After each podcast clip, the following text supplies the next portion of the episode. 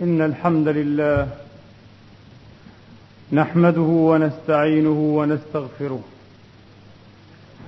ونعوذ بالله من شرور أنفسنا وسيئات أعمالنا من يهده الله فلا مضل له ومن يضلل فلا هادي له وأشهد أن لا إله إلا الله وحده لا شريك له وأشهد أن سيدنا ونبينا وحبيبنا محمدا عبده ورسوله.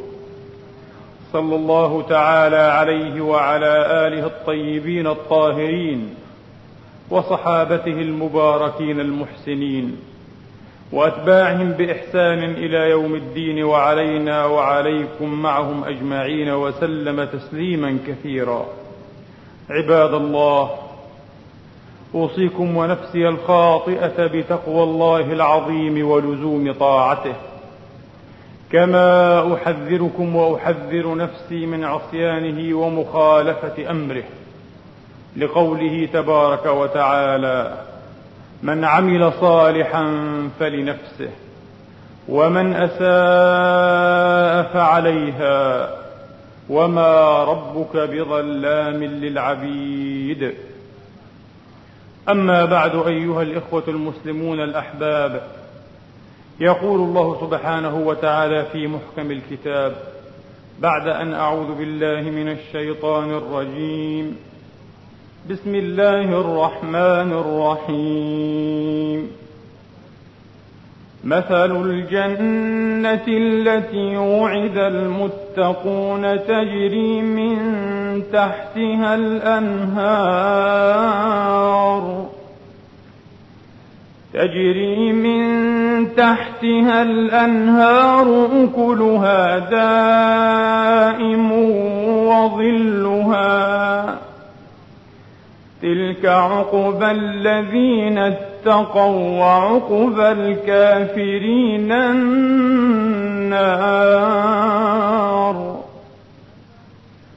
مثل الجنة التي وعد المتقون فيها أنهار من ماء غير آسن. فيها أنهار من ماء غير آسن وأنهار من لبن لم يتغير طعمه. وأنهار من خمر لذة للشاربين وأنهار من عسل مصفى ولهم فيها من كل الثمرات ومغفرة من ربهم كمن هو خالد في النار وسقوا ماء حميما فقطع أمعاءهم. صدق الله العظيم. وسبحان من هذا كلامه. وجل لا إله إلا هو من هذا نظامه. أيها الإخوة الأحباب إذا ذكر النور والبهاء وإذا ذكرت اللذات والحور ذكرت الجنة. إذا ذكر الإحسان وذكر الرضوان ذكرت معهما وبذكرهما الجنة. فهل جزاء الإحسان إلا الإحسان؟ إذا ذكرت الدعة والهناءة والوداعة والراحة والطمأنينة فلا نصب. ولا تعب ولا لغوب ولا صخب ذكرت الجنة. إذا ذكر الأبد ذكرت الجنة. تلك الجنة التي وعد المتقون ذلك الذي يبشر الله عباده الذين آمنوا وعملوا الصالحات. اللهم إنا نسألك يا ربنا ورب كل شيء ومليكه أن تكرمنا وتدخلنا الجنة لا نصب فيها ولا تعب. اللهم آمين. الجنة التي قال فيها مولانا رسول الله عليه الصلاة وأفضل السلام فيما أخرج الإمام البزار في مسنده من حديث أسامة بن زيد رضي الله تعالى عنهما وأرضاهما قال عليه الصلاة وأفضل السلام ألا مشمر للجنة؟ ألا مجتهد؟ ألا متسابق؟ ألا منافس؟ ألا مشمر للجنة فإن الجنة لا حظر لها. كل من أراد أن يدخلها دخلها. كما قال عليه الصلاة وأفضل السلام في الحديث الذي أخرجه البخاري في صحيحه كلكم يدخل الجنة إلا من أبى.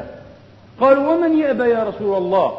قال من أطاعني دخل الجنة ومن عصاني فقد أبى. فإن الجنة لا حظر لها. ليست محظورة على أحد أن يدخلها وأن ينافس وأن يسابق غيره ليبلغ فيها الدرجات العلى في مقامات الرضوان والإحسان.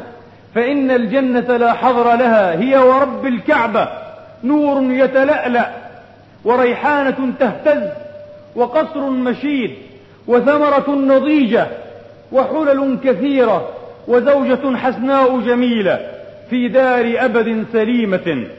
وفاكهة وخضرة وحبرة ونعمة. في دار عالية بهية. قالوا نحن المشمرون لها يا رسول الله. قال قولوا إن شاء الله.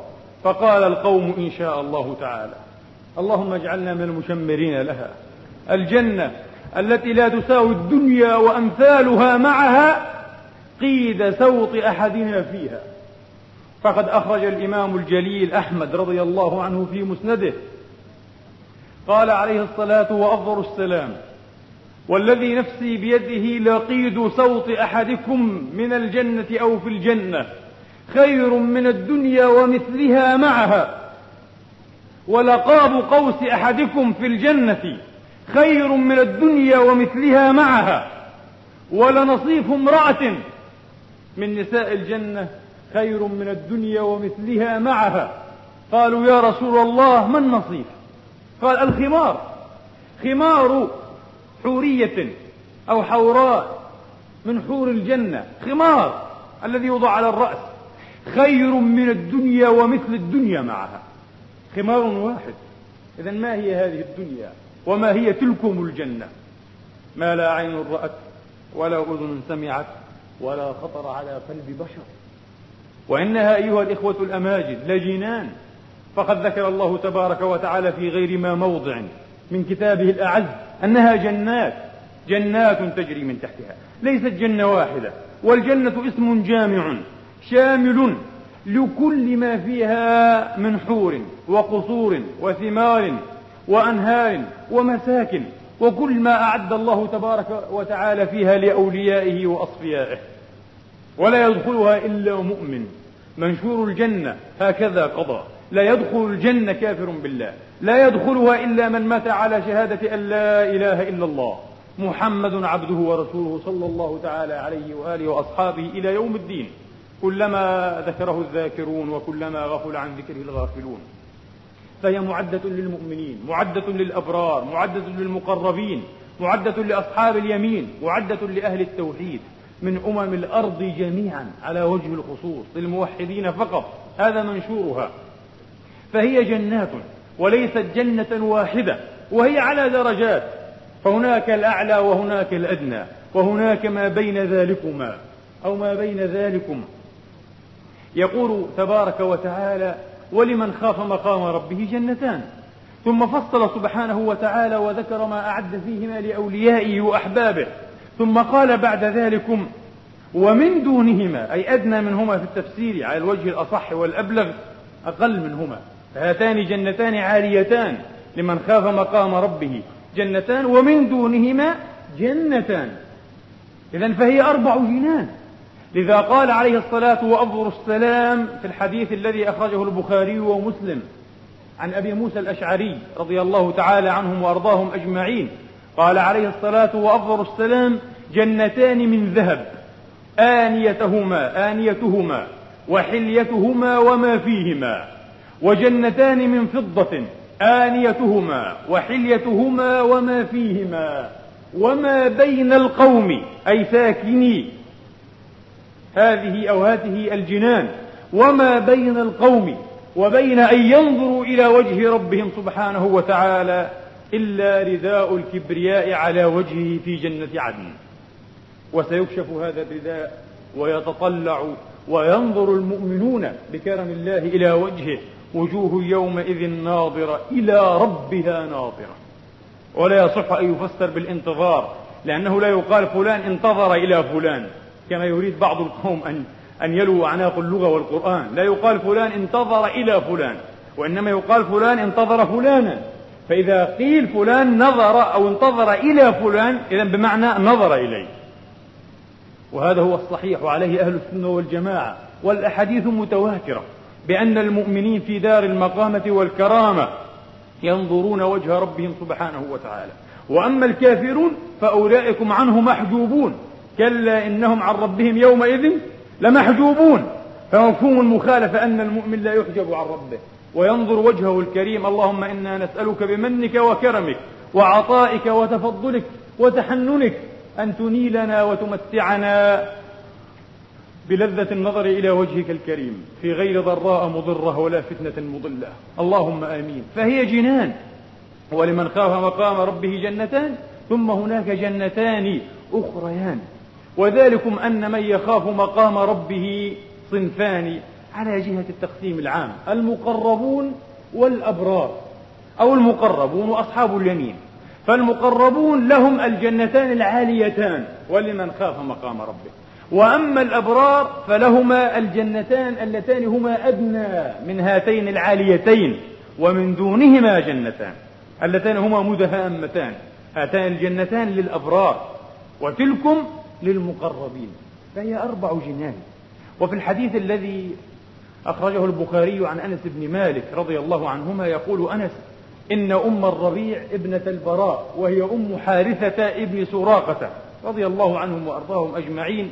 أتت النبي عليه الصلاة وأفضل السلام فسألته يا رسول الله أخبرني ماذا فعل حارثة ابنها؟ يقول الراوي أنس وكان حارثة أي ابن سراقة قتل يوم بدر أصابه سهم غرب. أي سهم طائش كما نقول. سهم طائش فقتل شهيدا. أصابه سهم غرب. يا رسول الله أخبرني ماذا فعل حارثة فإن كان في الجنة صبرت وإن كان غير ذلك لأجتهدن في البكاء. يقول بعض الرواة وقد كان وحيدها. ولم يذكر هذا في رواية البخاري. كان وحيدها الابن الفذ الوحيد لها. فقال عليه الصلاة وأفضل السلام يا امرأة إنها جنان في الجنة. ليست جنة واحدة. الجنة هذه اسم جنس لكن هي جنان جنان وجنان. إنها جنان في الجنة. وإن ابنك أصاب الفردوس الأعلى منها. وإن ابنك أصاب الفردوس الأعلى منها.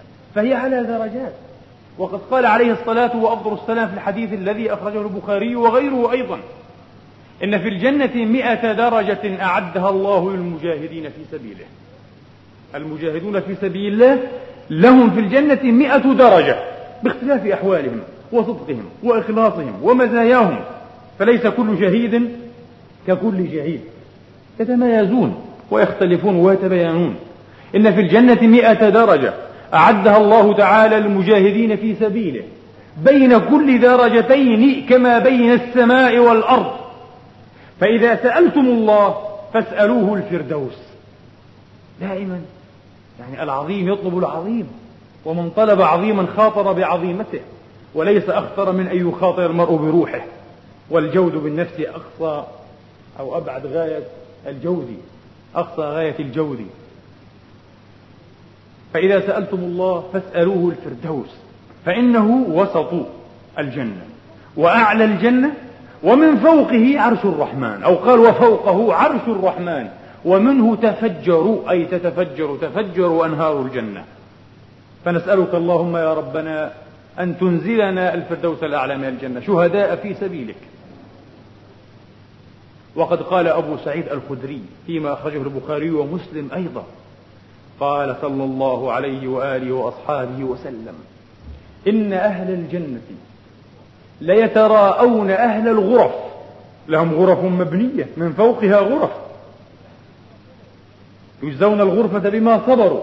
هذه غرف غرف عجيبة هذه ليست مقاما عاديا أو واطئا أليس في الجنة وطيء إن أهل الجنة ليتراءون أهل الغرف كما يتراءون الكوكب الدري الغارب من الأفق. وهذا سياق مسلم وسياق البخاري أو لفظ البخاري وهو أبلغ وألطف وأصح لغة. كما يتراءون الكوكب الدري الغارب في الأفق أي الذي يتدلى يمضي هذا مع الغارب يمضي ويذهب يتدلى للغروب وقت غروبه في جهة المغرب.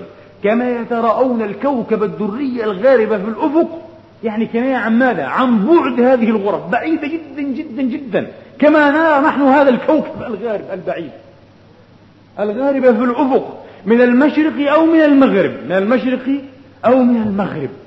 هذه الغرفات بعيدة جدا وعالية جدا جدا. هذه في الجنة من درجات الجنة من الدرجات العالية المريفة السامقة. فقالوا يا رسول الله تلك منازل الأنبياء لا يبلغها غيرهم. أليس كذلك؟ أكيد هذه للأنبياء فقط. قال بلى. ما معنى بلى؟ أي يبلغها غيرهم. ولم يؤكد كلامهم. تلك منازل الأنبياء لا يبلغها غيرهم. قال بلى. والذي نفسي بيده سيبلغها غيرهم هذا أيضا غير الأنبياء. بلى والذي نفسي بيده رجال آمنوا بالله وصدقوا المرسلين. من المؤمنين من المؤمنين ممن آمنوا بالله واليوم الآخر وصدقوا عباده المرسلين من سيبلغون ويحلون في هذه الغرف العالية المبنية. رجال آمنوا بالله وصدقوا المرسلين. اللهم اجعلنا منهم. فهذه الدرجات العاليات. وفي مسلم أن النبي عليه الصلاة وأفضل السلام قال سأل موسى عليه الصلاة وأفضل السلام ربه عن أدنى أهل الجنة منزلة. هذه الدرجات العاليات وأعلاها الفردوس وأعلى شيء في الفردوس الوسيلة. وكما تعلمون هي درجة واحدة لرجل واحد فذ بحياله. لا تنبغي إلا لعبد واحد. النبي دائما كان يحثنا ويندبنا إلى أن نكرر كلمات الأذان ثم نقول الدعاء المأثور ونسأل الله له الوسيلة. آت محمد الوسيلة والفضيلة. وابعثه مقام المحمود بالإضافة أو مقاما محمودا بالتنكير. وهما روايتان صحيحتان. والأولى أبلغ عند بعض المحدثين. مقام المحمود أو مقاما محمودا. نعم. هذه الوسيلة لا تنبغي إلا لعبد واحد. وطبعا شبه إجماع بين علماء هذه الملة أنها شكر على رسول الله محمد عليه الصلاة والسلام هذه أعلى الدرجات طرة أعلى شيء في الجنة على الإطلاق. فهي أعلى ما في الفردوس. والله تعالى أعلم. سأل موسى ربه عن أدنى أهل الجنة منزلة. فقال له رجل يخرج من النار. هو الموحدين لكن يعذب ويهذب وينقى في النار. لأن الجنة طيبة لا يدخلها إلا طيب. إلا من طاب بدن طيب ونفس طيبة. وقول طيب وكلمة التوحيد الطيبة وهي الكلمة الطيبة. في دار طيبة تقول لهم الملائكة طبتم فادخلوها خالدين. فلا يدخل الجنة إلا من طاب لا يدخلها إلا الطيب. فمن كان فيه شيء من سواد أو كدر أو قذر أو رجس أو دنس نقي وهذب في نار جهنم. ونقي وهذب بعد, بعد ذلك في أنهار وعيون على مشارف الجنة. حتى إذا طاب دخل الجنة. وقيل له ما تقول ملائكة لعموم الطيبين من أهل الجنة وساكنيها وقاطنيها. رجل. يخرج من النار. يخرج من النار. طبعا ليسلك طريقه إلى الجنة. فيقول له الله تبارك وتعالى يا عبدي أما ترضى أن أعطيك كملك من ملوك الأرض؟ يكون نصيبك في الجنة؟ كنصيب ملك من ملوك الأرض. الأباطرة الكبار الملوك الفخام العظام. فيقول نعم يا رب أرضى. بلى. فيقول لك ذلك. ومثله ومثله ومثله ومثله. فيقول في الخامسة رضيت ربي. الرجل يعني يخجل كما يقال حياؤه. يخجل الله تواضعه فيقول رضيت ربي. وربما لو سكت لزاده الله. لكنه خجل. كخمسة أضعاف ملك أحد الملوك العظام في تاريخ الأرض. رضيت ربي. فدهش موسى. إذا كان هذا نصيب أدنى رجل وربما يكون آخر من يخرج من النار وآخر من يدخل الجنة.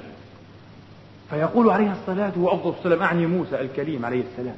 فيقول موسى عليه السلام يا رب فما أعلاهم منزلة؟ إذا كان هذا أدناهم فما هو أعلاهم؟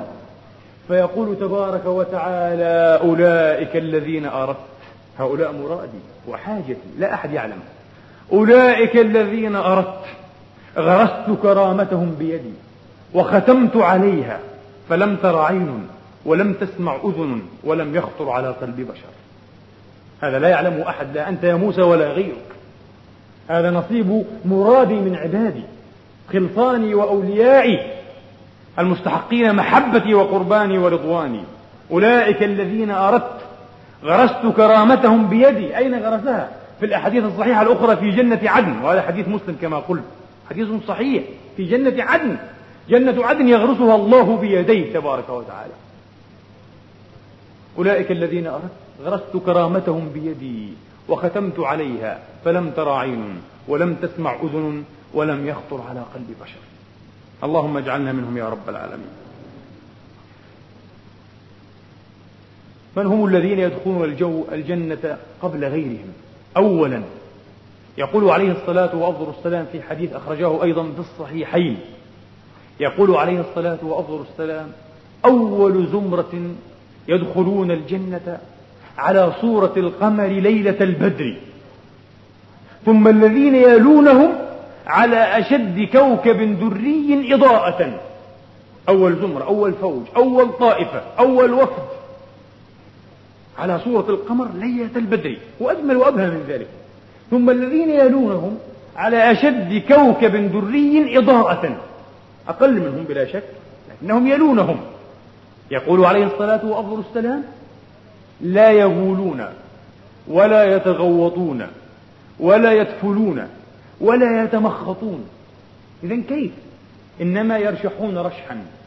البول والغائط أكرمكم الله يخرج منهم ترشيحا. يترشحونه رشحا ورشحهم كالمسك العابق بالأريج الطيب. هذا رشحهم. أتى مرة أحد أحبار وحكمات اليهود يريد أن يفحم كما يقال سيدنا محمد عليه الصلاة والسلام. قال سأسأله سؤالا فإن أجابني على وجه فقد ألزمته الحجة أو كلاما هذا معناه. خصمته.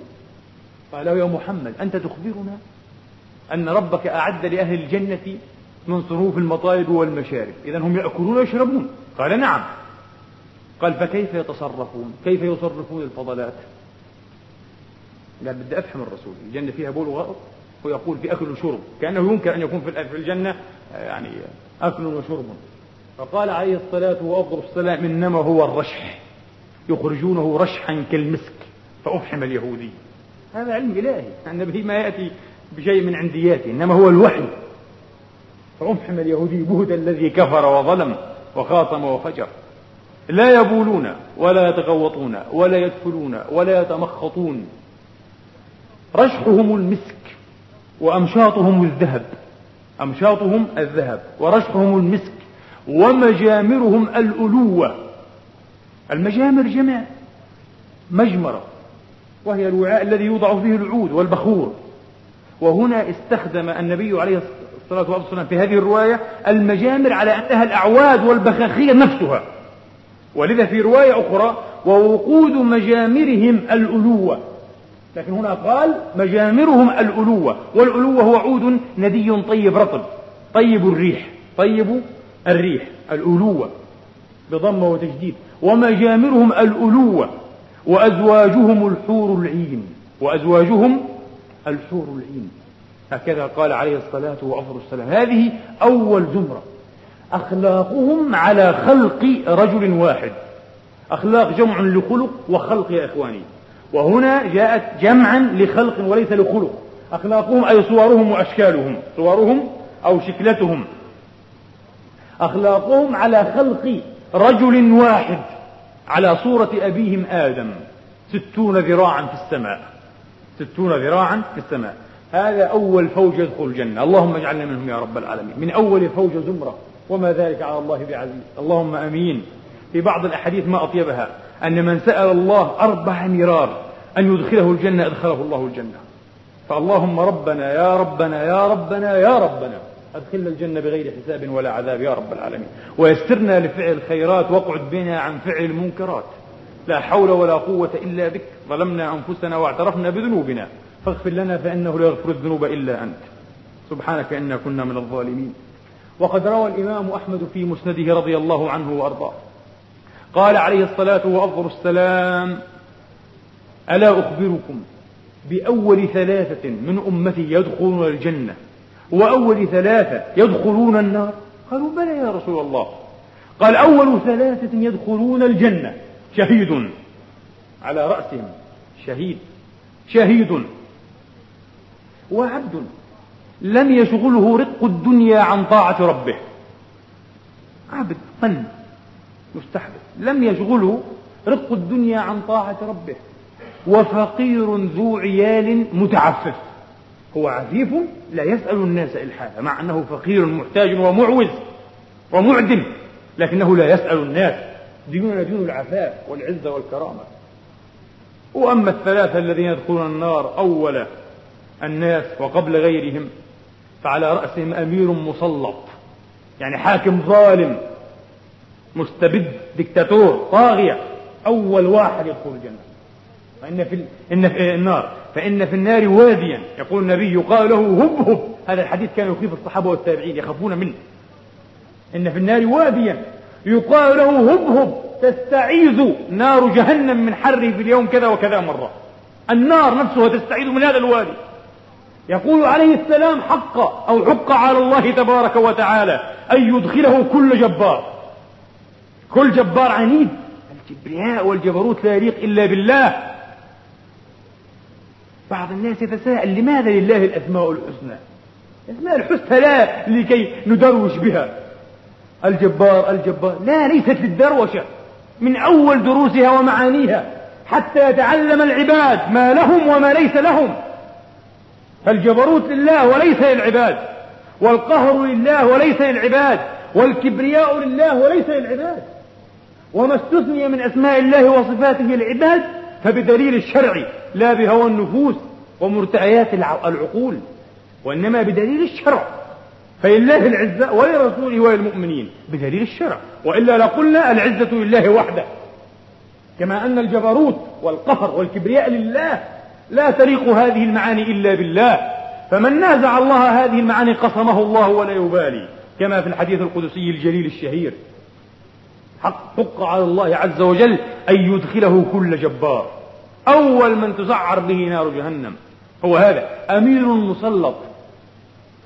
وذو ثروة من مال لا يؤدي حق الله فيه. وذو ثروة من مال لا يؤدي حق الله فيه. وفقير فخور. إذا كان الغني ولا يجوز له يفخر أو يفتخر. فما بالك أنت أيها الفقير الصعوك الذي لا مال لك؟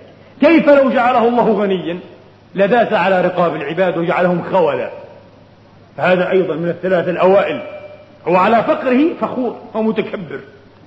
وفقير فخور فهؤلاء يبغضهم الله. إن الله يبغض الفخور كما في الحديث الآخر. وبغضه للفقير الفخور أشد.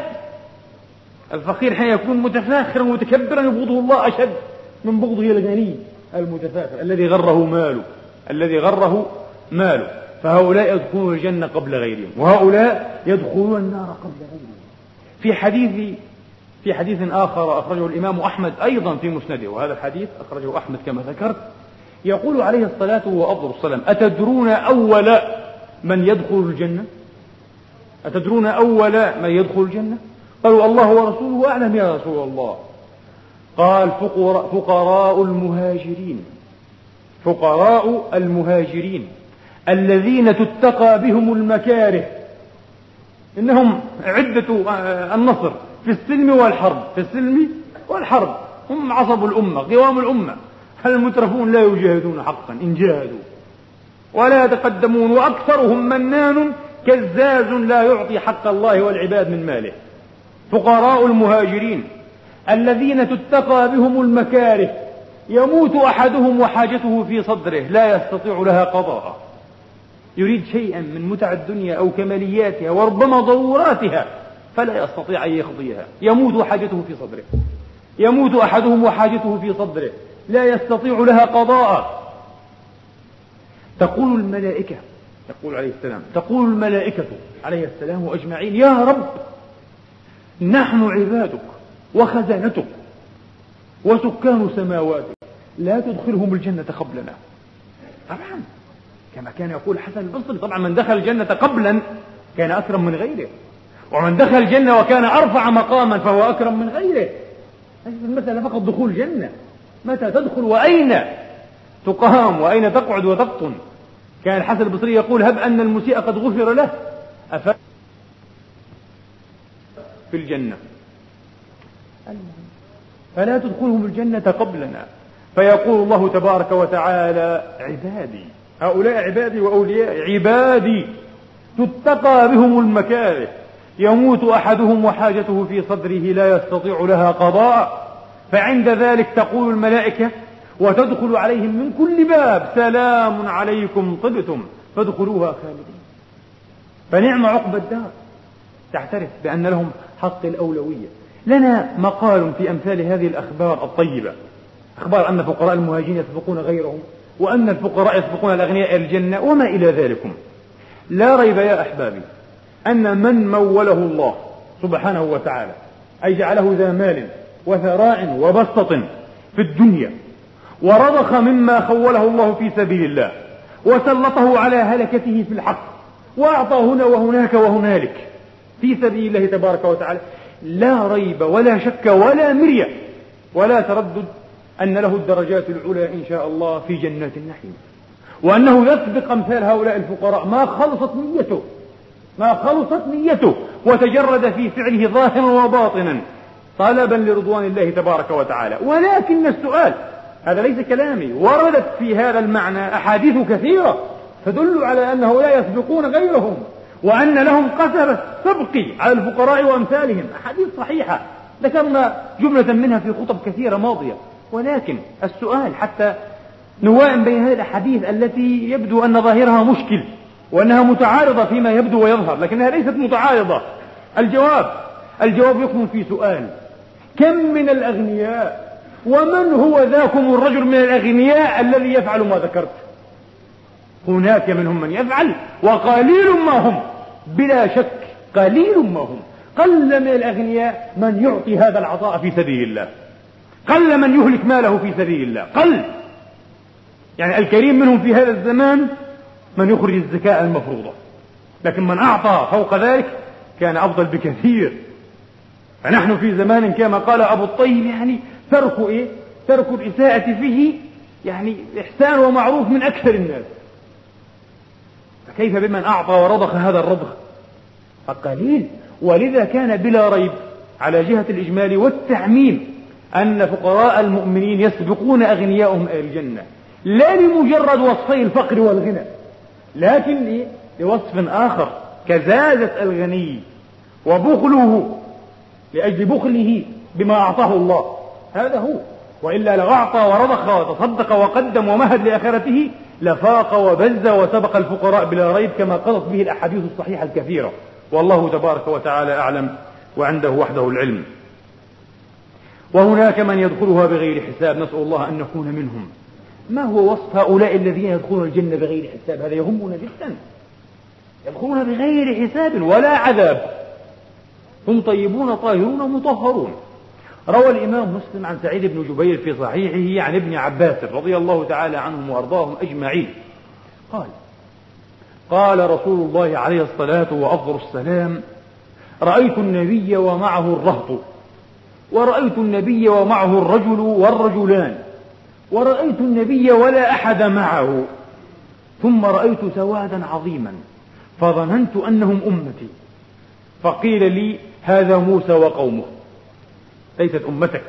إنما هذا موسى وقومه أمة موسى مع نبيها يتقدمها. ثم رفع لي سواد عظيم. الظاهر أنه أعظم بكثير كما قضت به أحاديث أخرى كثيرة أعظم من السواد الأول. ثم رفع لي سواد عظيم فقيل لي هذه أمتك ومعهم سبعون ألفا يدخلون الجنة بغير حساب ولا عذاب. قال ابن عباس رضي الله عنهما قام النبي عليه الصلاة وأفضل السلام أو ثم قام النبي فدخل بيته وحدثهم هذا الحديث ثم دخل بيته. وقد كانوا طلاب معارف ونشدي حقائق وتعمق في العلوم الإلهية فجعل الناس يخوضون. جعل الناس يخوضون في هؤلاء سبعين ألفا الذين يدخلون الجنة بغير حساب ولا عذاب من هم؟ ما هي حليتهم؟ ما هي نعوتهم وأوصافهم؟ لماذا؟ ما هو المبرر؟ فقال بعضهم فقال بعضهم لعلهم من صحب رسول الله. فنحن منهم إذن. هم يقولون لعلهم من صحب رسول الله عليه الصلاة والسلام. وقال بعضهم فلعلهم الذين ولدوا في الإسلام ولم يشركوا بالله شيئا. فإن من صحب رسول الله هكذا يظنون. بعضهم عاش شطرا من حياته وسلكه في الجاهلية والكفر. ثم تمت له الحسنى بقية حياته بالإسلام والتوحيد. فلعلهم الذين ولدوا في الإسلام الجيل الذي ولد في التوحيد ولم يشركوا بالله شيئا وهكذا تعددت مقالاتهم. وهذا ما ذكر منها في الحديث الصحيح.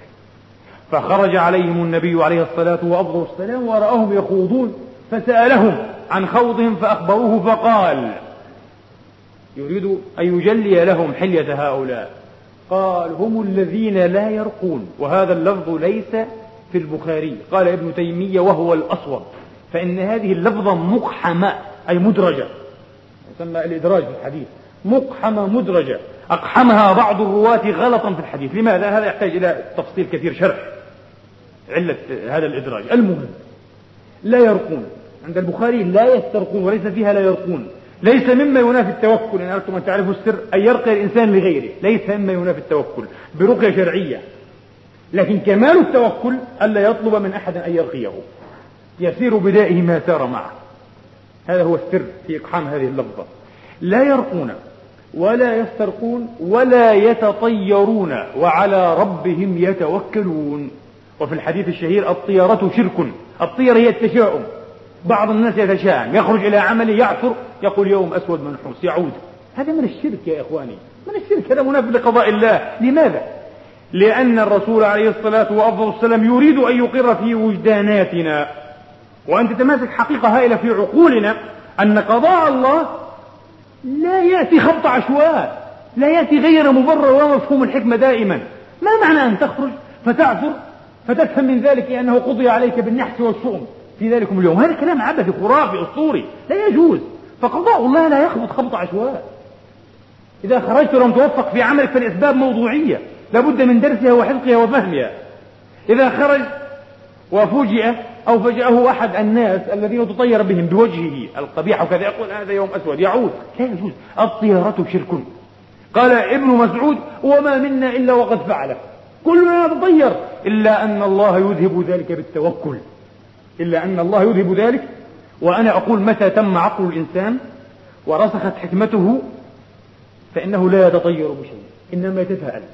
المؤمن الذي يتوكل على الله حق التوكل وموقن بقضائه وقدره يتفاءل كما كان النبي يتفاءل بأشياء كثيرة بالمنظر الحسن بالاسم الحسن بالاتفاق الحسن يعني شيء يشبه الصدفة بالاتفاق الحسن.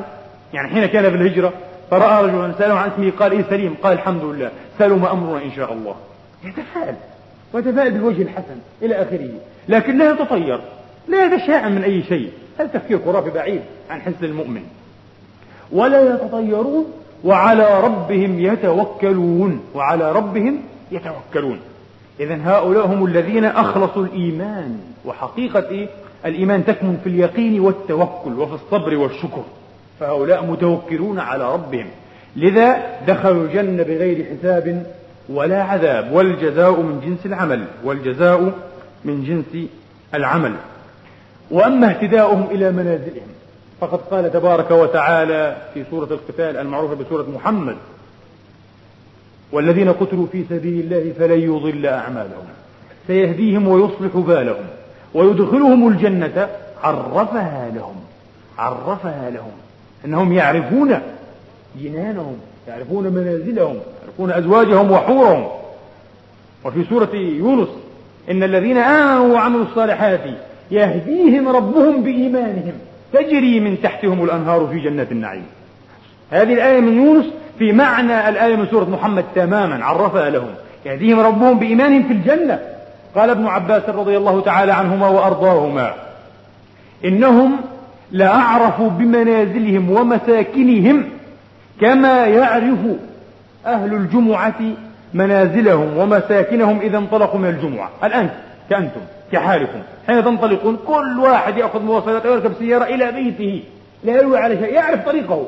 كذلك أهل الجنة. بعد أن يفصل موقف الحساب ويساق الذين اتقوا ربهم الجنة زمرا يعرفون منازلهم لا يتيهون عنها ولا يتحيرون في الاستدلال عليها. ويدخلهم الجنة عرفها لهم. وفي البخاري من حديث أبي سعيد الخدري رضي الله عنهم وأرضاهم أجمعين أن النبي عليه الصلاة وأفضل السلام قال إذا أخرج أي؟ إذا أخرج أهل الجنة من النار. أي هم من أهل الجنة لكنهم عذبوا في النار. إذا أخرجوا من النار خرجوا منها ثم هذبوا ونقوا. وقفوا قبل أن يدخلوا الجنة ويرجوها.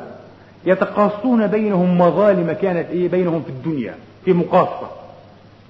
تصفية حسابات كما يقال تصفية الحسابات. لا تدخل الجنة ولأحد عليك حق يستحيل. ولو حسنة واحدة ولو فلس واحد. معنويا كان هذا الحق أو أدبيا آه، أو ماديا يتقاصون بينهم مظالم كانت بينهم في الدنيا حتى إذا نقوا وهذبوا أذن لهم بدخول الجنة أذن لهم بدخول الجنة. قال أبو سعيد قال رجل قال صلى الله عليه وسلم والذي نفسي بيده. يبدو أن أبا سعيد لم يسمع بقية حديث من الرسول لكن سمعه من رجل آخر من الصحابة. يقسم النبي والذي نفسي بيده. إنهم لأعرفوا بأحوالهم ومساكنهم منكم في الدنيا بأزواجكم ومساكنكم إذا دخلوا الجنة. والذي نفسي بيده إنهم لأعرفوا بأحوالهم ومساكنهم منكم في الدنيا بأزواجكم ومساكنكم إذا دخلوا الجنة. فهذا معنى يدخلهم الجنة عرفها لهم. وقد روى علي بن الجعد في الجعديات بإسناده عن الإمام علي عليه السلام وكرم الله وجهه. قال الإمام علي هذا موقوف على علي لكنه في معنى مرفوع لأن مثله لا, لا يؤخذ بالاجتهاد إنما يؤخذ بالسماع من رسول الله فهذا موقوف في معنى المرفوع كما يقول علماء الحديث. قال الإمام علي كرم الله وجهه ورضي الله عنه وأرضاه إن أهل الجنة إذا خرجوا من النار نتحدث أيضا عن فريق من أهل الجنة إذا خرجوا من النار خرجوا منها فوجدوا قبل الجنة أي دون الجنة وجدوا شجرة يخرج من تحت ساقها عينان. عين تجري هنا وعين تجري في اتجاه آخر. يخرج من تحت ساقها عينان. فعمدوا إلى إحدى العينين وكأنما أمروا بها. لا يعرفون لماذا. كأنه إلهام إلهي أو أمر إلهامي. يعمدون إلى إحدى العينين. فيغتسلون فيها. فإذا اغتسلوا وشربوا منها خرج ما في أجوافهم من قذى وأذى وبأس. من قذى وأذى وبأس كله يخرج. لكي يطيب أيضا البدن كما قلت حتى البدن لابد أن يكون طيبا والروح تكون طيبة. خرج ما في أجوافهم من قذى وأذى وبأس. ثم يأتون العين الأخرى فيغتسلون فيها أو يشربون منها فتجري في وجوههم نظرة النعيم. تلوح عليهم مخايل وسيماء أهل الجنة. من مجرد أن شربوا أو اغتسلوا من هذه العين الربانية. ثم يدخلون إيه أبواب الجنة فتتلقاهم الملائكة. سلام عليكم. طبتم فادخلوها خالدين.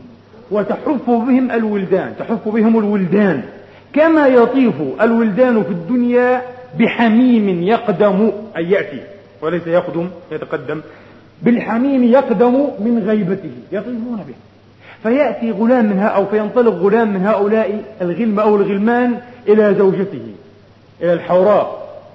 التي لم تره ولم يرها فيقول لها أبشري فقد جاء فلان باسمه الذي كان يدعى به في الدنيا فيستخف إحداهن الفرح تفرح فرحا شديدا فالله عز وجل يغرس في قلبها وفي وجدانها من الحب والشوق والعشق والتعلق بزوجها الشيء الذي لا يوصف حتى يكون هنيئا سعيدا بها فيستخف إحداهن الفرح فتقوم على أسكفة الباب. يعني تأخذ عضلتي الباب هكذا. فتقوم على أسكفة الباب تنتظر. فتقول له أنت رأيته؟ فيقول أنا رأيته. وها هو ذا أثري أو بأثري. هذا عن قريب سيأتي. تنتظره على الباب. حتى إذا أتى تراه ويراه. فينظر إلى قصره. فيرى جندل اللؤلؤ. جنادل. حجارة كلها من اللؤلؤ أساس القصر جنادل اللؤلؤ. فيرى جندل اللؤلؤ وقد بني عليها صرح من أخضر أي بألوان خضراء من أخضر عفوا وأصفر وأحمر ومن كل لون. فإذا دخل قصره رفع عينيه إلى قبته فيكاد يخطف بصره من شدة اللألاء والبريق. فلولا أن الله تبارك وتعالى قدره له لألم أن يذهب ببصره. ثم يخفض بصره ثم يخفض بصره.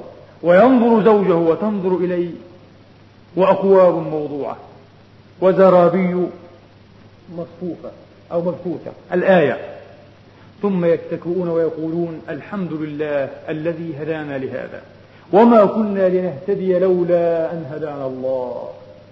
فينادي عليهم مناد تحيون فلا تموتون أبدا وتقيمون فلا تضعنون أبدا. وتصحون فلا تمرضون أبدا. اللهم اجعلنا منهم يا رب العالمين. بفضلك ومنك. وأما صفة أهل الجنة أو ساكنيها فإنهم يدخلونها كما سمعنا في الحديث على خلقة أو شكلة أبيهم آدم وهو ستون ذراعا في السماء على حسن يوسف كما في حديث ابن أبي الدنيا على حسن يوسف وعلى ميلاد عيسى ثلاث وثلاثين. أي على سن كلمة ميلاد هنا أي على سن. وعلى ميلاد عيسى ثلاث وثلاثين وعلى لسان محمد بن عبد الله. أي بلغته بلغة محمد. هذا معنى على لسانه باللغة العربية. وعلى لسان محمد ابن عبد الله عليه الصلاة وأفضل السلام. وهذا الحديث أيضا أخرج مثله وقريبا منه الإمام الترمذي وقال حسن غريب في جامعه المعروف بالجامع الصحيح قال عليه الصلاة وأفضل السلام إذا دخل أهل الجنة الجنة دخلوها جردا فش لحى فش شعر في الوجوه. هذا الجمال أكثر. إذا دخل أهل الجنة في الآخرة وليس في الدنيا. في الدنيا السنة هي الأجمل. إذا دخل أهل الجنة الجنة. وهذا الحديث أيضا أخرج مثله وقريبا منه الإمام الترمذي وقال حسن غريب في جامعه المعروف بالجامع الصحيح قال عليه الصلاة وأفضل السلام إذا دخل أهل الجنة الجنة دخلوها جردا فش لحى فش شعر في الوجوه. هذا الجمال أكثر. إذا دخل أهل الجنة في الآخرة وليس في الدنيا. في الدنيا السنة هي الأجمل. إذا دخل أهل الجنة الجنة دخلوها جردا مردا مكحلين أبناء ثلاث وثلاثين. جردا مردا ومعنى مردا أي لا ينبت أصلا لهم شعر. هذا هو الأمر. لا يقال لمن حلق ذقنه أو لحيته عفوا إنه أمرد إنما هو أي أجرد أو حليق. وأما الذي لم يطر شارباه ولم تبقل لحيته بعد فهذا هو الأمرد الغلام الصغير جردا مردا مكحلين أبناء ثلاث وثلاثين أبناء ثلاث وثلاثين. وأما ريحها فتعلمون في أحاديث كثيرة توجد ريحها من مسيرة مئة سنة. وفي بعض الأخبار وإن ريحها لتوجد أي تشم أو تشتم من مسيرة خمسمائة سنة. ريح الجنة. فعلا شيء لا يخطر على قلب بشر. وأما أشجارها فيكفي أن تعلموا أن فيها شجرة. يقال هي سدرة المنتهى ويقال هي طوبى ويقال هي شجرة الخلد أو البقاء. في أحاديث كثيرة ذكر ذلك. في الجنة شجرة وهذا حديث الصحيح في صحيح البخاري وغيره. وفي الجنة شجرة يسير الراكب السريع وفي بعض الروايات الراكب الجواد السريع وفي بعضها الراكب الجواد المضمر أو المضمر. لأنه مضمر فيكون نحيفا فيكون آخذا في العدو. سريعا في أخذه. نعم. مئة سنة من كل نواحيها لا يقطعها. الله أكبر. ما هذه الشجرة؟ ما هذه الشجرة؟ ما هو ظلها الذي يتفيأ؟ وقد روى أبو بكر ابن أبي الدنيا رحمة الله تعالى عليه أن أهل الغرف ينزلون فيتفيئون ظلال هذه الشجرة العظيمة الدوحة الباسقة الممتدة. يتفيئون ظلالها فيشتهي بعضهم بعضا ويذكرون لهو الدنيا. فيرسل الله تبارك وتعالى ريحا. فتحرك هذه الشجرة بكل لهو كان في الدنيا. بكل لهو كان في الدنيا. وأما أنهارها وعيونها المذكورة في كتاب الله فأنهارها لم تشق شقا وليست في أخاديد يقول أنس بن مالك رضي الله عنه وأرضاه أتظنون أن. أن أنهار الجنة في أخدود؟ لا والله. إنها سائحة على وجه الجنة. تسيح على أرض الجنة وليست في أخاديد محفورة. إنها سائحة على أرض أو على وجه الجنة. وعلى إحدى حافتيها اللؤلؤ وعلى الأخرى الياقوت. وتربتها المسك الأذفر قال السامع الراوي ما معنى الأذفر ما الأذفر قال الذي لا خلط له. مسك صرف محض. ليس ممزوجا ولا مخلوطا. عن ثابت البناني عن أنس أيضا أن النبي عليه الصلاة والسلام تلا قوله تعالى إنا أعطيناك الكوثر. فقال لقد أعطيت الكوثر. وإذا هو نهر يجرى يجري. لم يشق شقا. يسوح سوحا لكنه لم يشق في أخدود لم يشق شوقا شقا. حافته أو حافتاه اللؤلؤ. حافتاه اللؤلؤ. فضربت بيدي إلى تربته فإذا هي المسك الأذفر وحصباؤه اللؤلؤ أيضا. حافتاه لؤلؤ وتربته مسك أذفر وحصباء هذا النهر اللؤلؤ. وحصباؤه اللؤلؤ. اللهم اسقنا من الكوثر شربة بيد المصطفى عليه الصلاة وأفضل السلام. وهو من حوضه الشريف أيضا. وأما عيونها فكثيرة جدا. قصر أو قصر من المقام أن نذكر شيئا عن عيون الجنة لكن نذكر شيئا عن ثياب أهلها. فقد سأل أعرابي النبي مر عن الهجرة فأجابه ثم سأله رجل آخر عن ثياب أهل الجنة. واستغرب بعض الصحابة السؤال. قال يا رسول الله أخبرني عن ثياب أهل الجنة. أتخلق خلقا أم تنسج نسجا؟ فضحك بعض القوم. فقال النبي عليه الصلاة والسلام تضحكون من جاهل يسأل عالما؟ لماذا؟ هؤلاء السؤال. هو جاهل يسألني وأنا عالم. تضحكون من جاهل يسأل عالما؟ لكن النبي لا يعرف الجواب لأنه وحي يوحى. سكت النبي ساعة. ثم قال أين السائل عن ثياب أهل الجنة؟ قال أنا يا رسول الله. فقال عليه الصلاة والسلام لا. أي لا تنسج نسجا لا. بل تشققوا عنها ثمار الجنة. تشققوا عنها ثمار الجنة. تشققوا عنها ثمار الجنة. ولذا روى أيضا أبو بكر بن أبي الدنيا عن ابن عباس وقد سأله رجل عن حلل أهل الجنة. فقال الحبر العلامة رضي الله تعالى عنهما وأرضاهما قال إن في الجنة شجرة ثمارها كحب الرمان ثمارها كحب الرمان. فإذا اشتهى ولي الله كسوة تدلت إليه ثمرة فتفلقت فتفتقت عن سبعين حلة ألوانا بعد ألوان. والمعنى فيأخذ منها ما شاء فإذا أخذ ما شاء وما اشتهى ثم تعود فتلتئم وتعود إلى مكانها. اللهم إنا نسألك الجنة. عرفنا بها يا رب العالمين. ويسر إلينا سبيل الوصول إليها. بفضلك ومنك يا أرحم الراحمين ويا أكرم الأكرمين. أقول ما تسمعون وأستغفر الله لي ولكم فاستغفروا